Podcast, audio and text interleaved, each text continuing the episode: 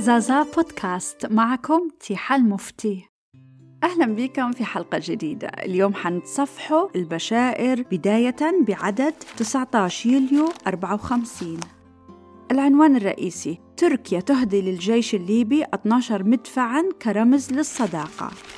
رئيس الوزراء يتفائل بنتائج مباحثات واشنطن.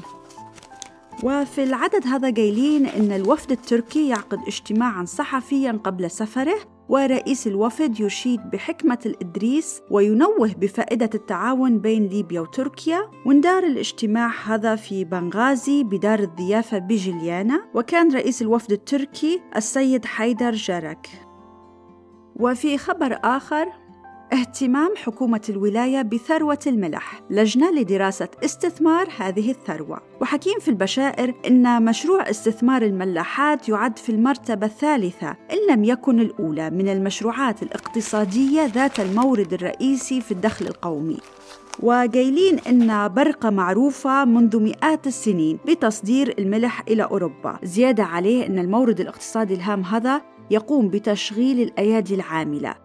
والإحصاءات السنوية تقول إن ملاحة جليانا وحدها يعمل فيها 350 عاملاً كيف إن الشحن في بنغازي مستمر صبح وليل. وفي نهاية المقال قايلين أن البشائر تحث الجهات المختصة على استثمار الملاحات والاستفادة من هذا المورد الاقتصادي الهام. مطرب ليبي.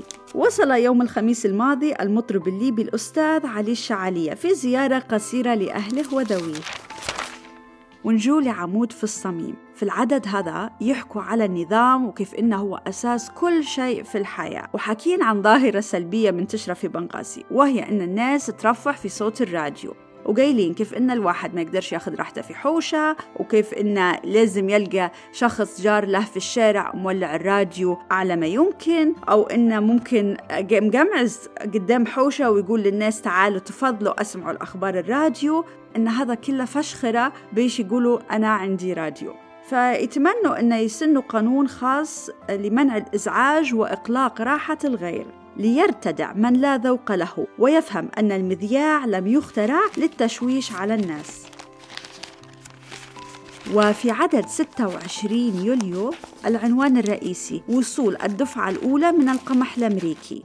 ومن الأخبار الدبلوماسية ذكر أن الحكومة الإيطالية طلبت من الحكومة الليبية إنشاء تمثيل دبلوماسي للمملكة الليبية المتحدة في روما. توجه السيد خليل القلال إلى سوسة لتفقد سير العمل بمراكز التدريب وشاهد عملية الإصلاح في الثكنات العسكرية. وعلمت البشائر أن السيد الوزير سر جدا من مجرى الأمور هناك بالأخص فيما يتعلق بالجنود المستجدين الذين يجري تدريبهم بهمة ونشاط استعدادا للاستعراض العسكري الذي سيقام يوم 9 أغسطس. والي طرابلس يقدم هدية للكتيبة الأولى. قايلين إن والي طرابلس السيد الصديق المنتصر آه، أهدى إلى الكتيبة الأولى من الجيش الليبي صورة مجسمة لمولانا الملك رمزا للولاء والإخلاص. رئيس الوزراء السيد مصطفى بن حليم سيصل إلى بنغازي بعد إتمام مباحثات واشنطن. ويحكوا كيف أن المباحثات التي دارت في واشنطن حول تأجير بعض القواعد العسكرية إلى الولايات المتحدة. وصول الدفعة الأولى من القمح الأمريكي لميناء طرابلس. قايلين في الخبر هذا أن السيد مصطفى السراج وزير الاقتصاد الوطني استلم الشحنة الأولى في حفل رمزي بالرصيف الأسباني بميناء طرابلس وحضر طبعا عدة شخصيات ليبية وأجنبية. وقد ألقى القائم بأعمال المفوضية الأمريكية كلمة بالخصوص هذا تدل على العلاقة الطيبة بين الشعب الأمريكي والليبي وتبلغ المقادير المنتظر وصولها نحو 35 ألف طن من القمح. سفر الحجاج الليبيين إلى مكة. 4500 حاج مغربي يمرون بليبيا. غادر الفوج الثاني من الحجاج الليبيين من ولاية برقة يعني من بنغازي حوالي 140 حاج. ويقولوا أن الفوج الأول غادر من طرابلس وعددهم 136 شخص. وتم نقل الحجاج من برقة وطرابلس بواسطة سيارات الأوتوبيس التابعة لشركة النقل البرقاوية.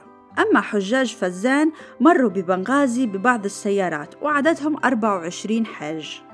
وتفيد الأنباء الواردة من القطر المصري أن الحجاج الليبيين يتمتعون بصحة جيدة وسيغادر آخر فوج منهم السويس يوم 30 من الشهر هذا آه، طبعا متجهين إلى جدة.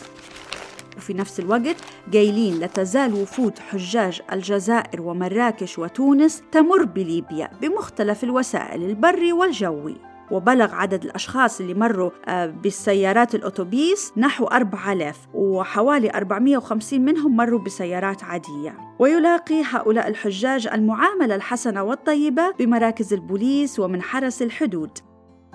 بشرى. افتتح أخيرا محل خياطة بشارع بنكاتو رقم 111 المتفرع من سوق الظلام لصاحبه الطيب إبراهيم تفصيل وخياطة بدلة صوف بمبلغ خمس جنيهات فقط مع تقديم جميع المساعدات. زيارة واحدة لهذا المحل الجديد تدهشكم وتسركم.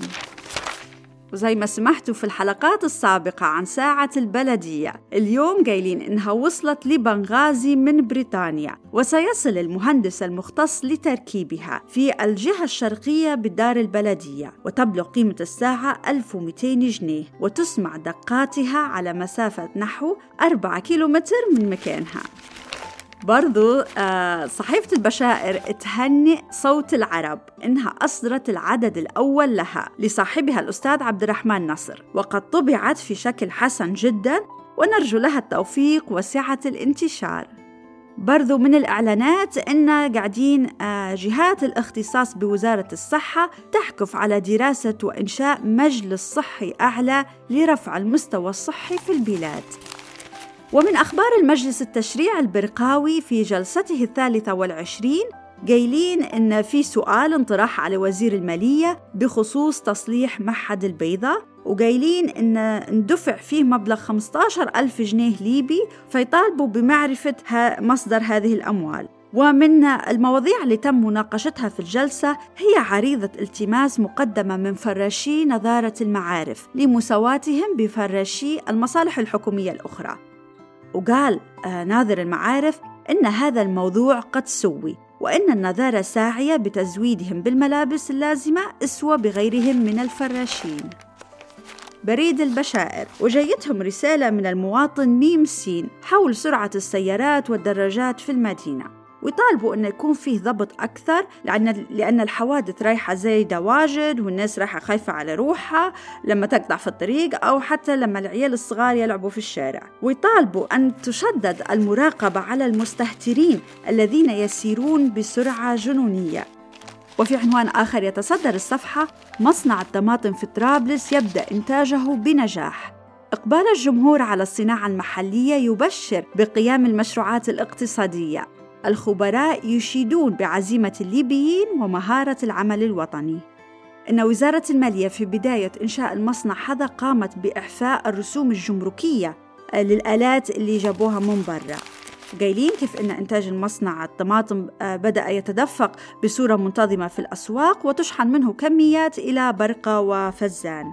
إضافة إلى أنه تم إلحاق به مصنع صغير لصناعة علب الصفيح ويعتبر خطوة جبارة في الحقل الاقتصادي فهو مشروع قيم سوف يكون من العوامل الهامة في توسيع نطاق زراعة الطماطم في ليبيا. وطبعا قايلين إن المصنع هذا فاتحة خير وبداية طيبة لسلسلة المشروعات الصناعية ويكون حافزا قويا لذوي الأموال من الليبيين على إقامة مشروعات تساعد على إيجاد استقرار صناعي يدعم نهضة البلاد الاقتصادية.